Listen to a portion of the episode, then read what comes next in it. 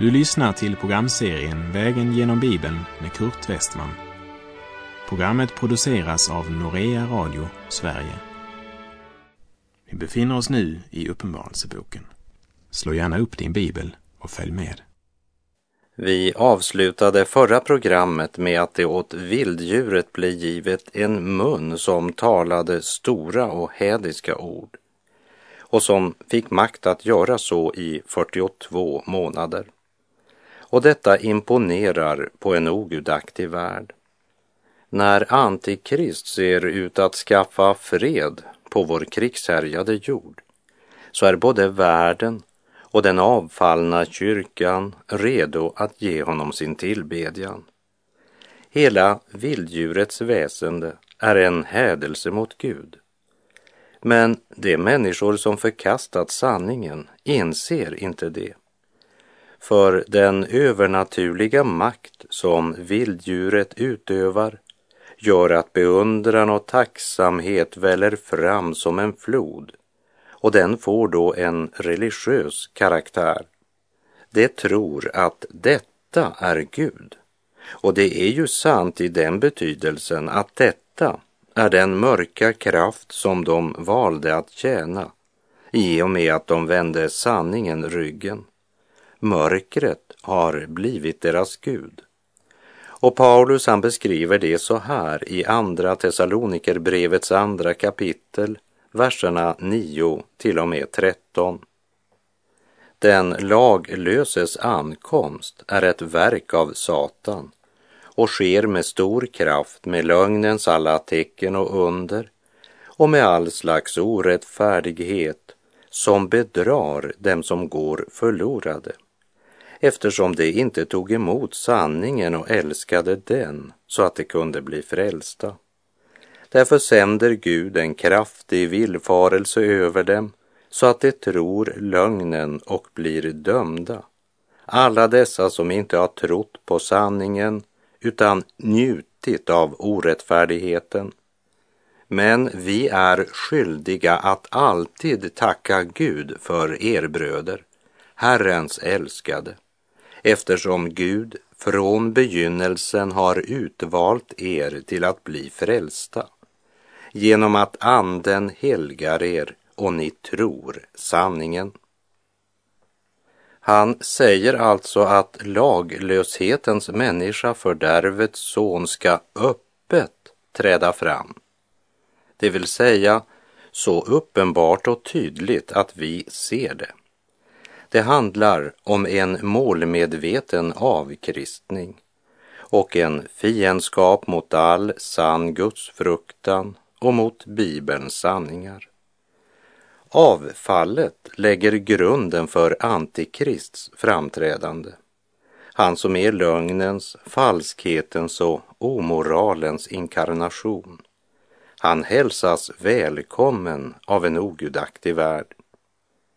Och det blir en svår tid för de Guds barn som väljer att leva i Guds fruktan och helgelse och som i ord och handling bekänner Jesus som sin Herre och Frälsare. Låt oss inte fokusera på Antikrist, men fästa våra ögon på vår Frälsare, Herren Jesus Kristus. Jag vet att Antikrist kommer, men det är inte honom jag väntar på. Guds ord säger att det är en villfarelse som ska komma med stor kraft och det imponerar ju på många. Och den ska också komma med lögnens alla tecken och under. Och är det något som behagar vårt kött så är det tecken och under. Och människan hungrar hela tiden efter något nytt, något spännande. Därför måste allt prövas på Guds ord. Vi läser Uppenbarelseboken kapitel 13 13, vers 5 och 6. Och åt vilddjuret gavs en mun som talade stora och hädiska ord. Och det fick makt att göra så i 42 månader. Det öppnade sin mun för att häda Gud, för att häda hans namn och hans tabernakel, dem som bor i himlen. Antikrist är full av hån och bespottelse. Men hur kan skriften då på andra ställen framställa honom som en som ju på många sätt i det yttre påminner om Kristus? Han påstår sig ju vara Kristus och predikar ett evangelium som är förvillande likt sanningen och han låter sina tjänare uppträda som tjänare åt rättfärdigheten men som ändå hädar Gud, hädar Guds namn och hans tabernakel. Hur kan han då förföra så många människor också bland dem som önskar tro på Jesus och följa honom? Detta är högaktuellt i vår tid, där mycket av det som går under namnet kristenliv har blivit så likgiltigt och så ytligt. Och många enskilda och församlingar har blivit så starkt präglade av vår gudlösa kultur att man betraktar mord, lögn och otrohet som underhållning. Vi måste ha klart för oss att det är inte våra egna tankar och vårt eget förstånd som leder oss till en djupare förståelse och större kunskap, utan det är endast uppenbarelsen från Gud i den heliga skrift som kan upplysa våra förmörkade hjärtan. Därför är Guds ord oss givet. Därför är Guds ande utgjuten i våra hjärtan och när du hör anden tala till ditt hjärta ska du noggrant tänka över vad den har sagt. Och där ligger förförelsen i Antikrist stora och hädiska ord. Han använder Herrens ord och ser ut att lära och vägleda efter Herrens ord, men med en falsk ande i sitt inre. Ett hjärta som inte har Andens uppenbarelse över det ord som han påstår att han lär och talar. För han har aldrig av hjärtat tillhört Kristus och har aldrig varit känd av Kristus. Och det gäller inte bara Antikrist, det gäller också hans tjänare. De utför mäktiga ting, men Jesus har aldrig känt dem. Det är det allvarligt att tänka på. Jesus säger så här i Matteus 7, vers 22 och 23. Många ska säga till mig på den dagen, Herre, Herre, har vi inte profeterat med hjälp av ditt namn och med hjälp av ditt namn drivit ut onda andar och med hjälp av ditt namn gjort många kraftgärningar. Men då ska jag säga dem sanningen jag har aldrig känt er. Gå bort ifrån mig, ni laglösa. Jesus säger alltid sanningen. Det gjorde han när han vandrade här nere och det gör han än idag. Och det ska han uppenbart också göra på den sista stora dagen. Jag påminner än en gång om Jesu ord i Johannes 8.45 men mig tror ni inte, därför att jag säger er sanningen.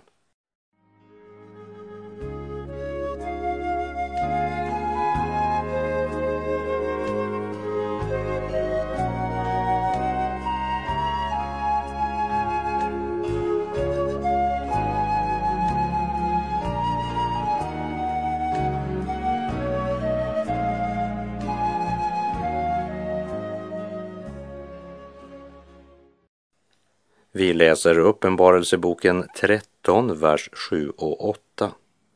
Och åt vilddjuret gavs makt att strida mot det heliga och att besegra dem. Och det fick makt över alla stammar och folk och språk och folkslag. Alla jordens invånare kommer att tillbe det. Alla som inte har sitt namn skrivet i Livets bok, som tillhör Lammet som är slaktat från världens grundläggning. Endast den som har sitt namn skrivet i Livets bok kan bevaras från Antikrists förförande makt som trollbinder mänskligheten. Det är svåra sanningar vi här vandrar igenom. Och det är så anstötligt för köttet. Hur kan Gud tillåta Satan att strida mot det heliga? Och hur kan Gud tillåta Satan att besegra dem? Guds seger, den ligger inte i smarthet, inte i muskelkraft. Och Guds seger ligger inte i att ta, men i att ge. Det är en tankegång som är helt främmande för köttet, det vill säga för vår gamla natur. I Romarbrevet 8, vers 5 till och med 11 skriver Paulus. Det som lever efter sin kötsliga natur tänker på det som hör till köttet, men det som lever efter anden tänker på det som hör till anden. Köttets sinne är död, men andens sinne är liv och frid. Köttets sinne är fiendskap mot Gud. Det underordnar sig inte Guds lag och kan det inte heller. Det som följer sin syndiga natur kan inte behaga Gud. Ni däremot lever inte efter köttet utan efter anden, eftersom Guds ande bor i er. Den som inte har Kristi ande tillhör inte honom. Men om Kristus bor i er är visserligen kroppen död för syndens skull, men anden är liv för rättfärdighetens skull. Och om hans ande som uppväckte Jesus från de döda bor i er, då skall han som uppväckte Kristus från de döda göra också era dödliga kroppar levande genom sin ande som bor i er. Och Jesus själv säger så här i Johannes 12.25. Den som älskar sitt liv förlorar det. Och den som hatar sitt liv i den här världen, han ska bevara det och vinna evigt liv. Jag vill inte påstå att jag har den fulla förståelsen av orden i Uppenbarelseboken 13, vers 7 och 8. Men jag tror Guds ords vittnesbörd och kan bara be om nåd att bli bevarad i tron och inte låta mig förföras av lögnens under och tecken. Det står ju i Uppenbarelseboken 12.11 att det som övervann genom Lammets blod och genom sitt vittnesbörds blod att det älskade inte sitt liv så högt att det drog sig undan döden. Evangeliet talar inte om Guds barns triumf här i tiden, utan det talar om att ta upp sitt kors och följa Kristus och dela de villkor som Kristus har i denna syndens färd. På denna sida graven så är det ondskan och synden som triumferar. Men graven är inte det sista. Och trons triumf, det ligger i det faktum att han som uppväckte Kristus från de döda också ska göra våra dödliga kroppar levande genom hans ande som bor i oss. Efeserbrevets sjätte kapitel, vers 17 och 18 säger Ta emot frälsningens hjälm och andens svärd som är Guds ord. Gör detta under ständig åkallan och bön och bed alltid i anden. Vaka därför och håll ut i bön för alla de heliga. Vi läser Uppenbarelseboken 13, vers 9 och 10. Den som har öron må höra. Om någon måste gå i fångenskap skall han gå i fångenskap. Och om någon måste dödas med svärd skall han dödas med svärd. Här visar sig det heligas uthållighet och tro.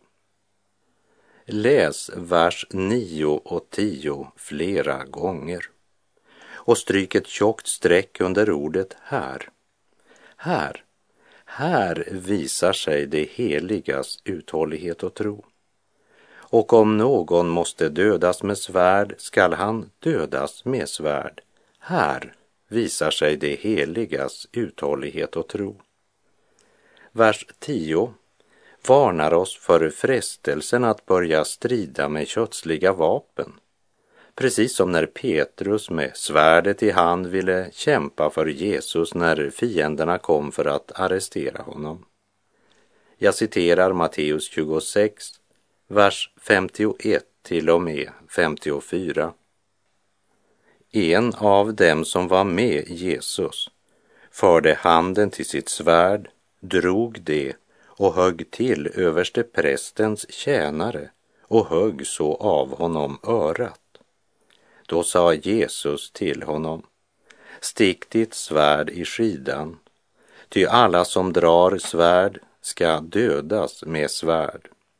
Eller menar du att jag inte kan be min fader att han nu sänder till min tjänst mer än tolv legioner änglar? Men hur skulle då skrifterna uppfyllas som säger att detta måste ske? Och i Matteus 16.23 säger Jesus till Petrus, vad du tänker är inte Guds tankar, utan människotankar. Ju mer situationen kommer att tillspetsa sig för Guds barn, desto starkare kommer frestelsen att möta oss att gripa till kötsliga vapen. Och om Satan lyckas bedra oss att göra det, så har världen övervunnit oss. Och då är Guds folk förlorade.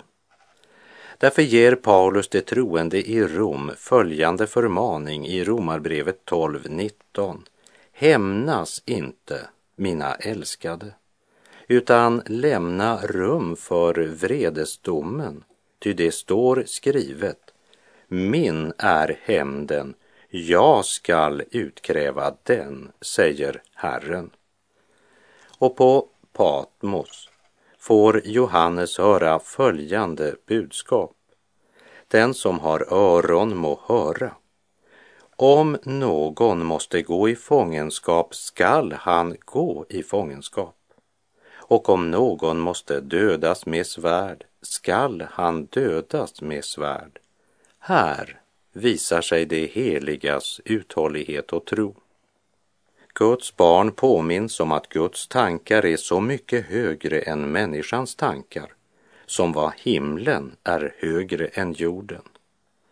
Vi blir påminda om att inte vara rädda för dem som dödar kroppen, men inte kan döda själen. På korsets väg visar sig det heligas uthållighet och tro.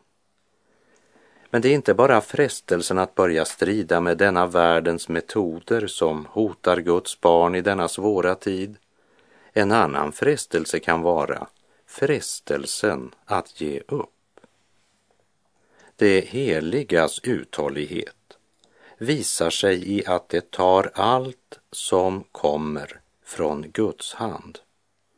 Det vilar i vissheten om att Gud är den som håller allt i sin hand även när mörkrets makter tillåts rasa mot Guds barn. Det vet att Gud sitter på tronen. Och det håller fast på budskapet om att Jesus har segrat. Jesus har övervunnit Satan, övervunnit döden. Och det vilar i löftet om att han som uppväckte Kristus från de döda också ska göra deras dödliga kroppar levande genom sin ande som bor i dem. Många Herrens tjänare har genom historien frestats till missmod, frestats att ge upp. Även profeten Elia, Herrens profet som vi läste om i Första Kungabok, kom till en punkt i livet då han önskade sig döden och sa, det är nog. Jag citerar Första Konungabok 19, vers 4. Men själv gick han ut i öknen en dagsresa. Där satte han sig under en ginstbuske och han önskade sig döden och sade, det är nog. Ta nu mitt liv, Herre, ty jag är inte för mer än mina fäder. Här är det viktigt att komma ihåg att mannen som trädde fram på Karmel var på Karmel därför att Gud gett honom order att gå dit och utföra Herrens uppdrag där. Mannen under ginstbusken är en man som efter segern på Karmel börjat tro att han är bättre än sina fäder och som därför på eget bevåg har använt Herrens utrustning till att företa en sprinteruppvisning som du kanske minns och som därför utan att fråga Gud flytt ut i förtvivlans öde öken. Och kroppsligt är han fullständigt utmattad. Och som prick över iet har drottning Isabel lovat ta livet av honom. Och Satans lösning på problemet det är ge upp. Guds lösning är vänd om. Vänd dig på nytt till din Gud. Genom orden i Uppenbarelseboken 13.10 påminner Herren oss om att trons väg är korsets väg. Och om någon måste gå i fångenskap skall han gå i fångenskap. Och om någon måste dödas med svärd skall han dödas med svärd. Här visar sig det heligas uthållighet och tro. Låt oss inte frestas att i den stora nöden börja använda kötsliga vapen. Och låt oss inte heller frestas att bli modlösa.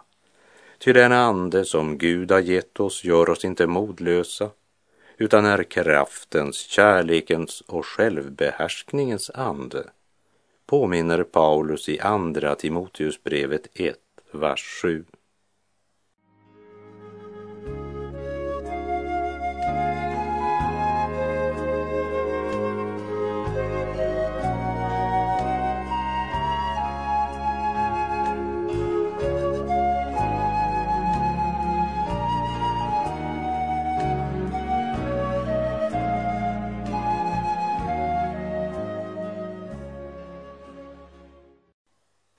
Vi ska ha klart för oss att Satans nederlag var ett nederlag i den himmelska världen och inte på jorden.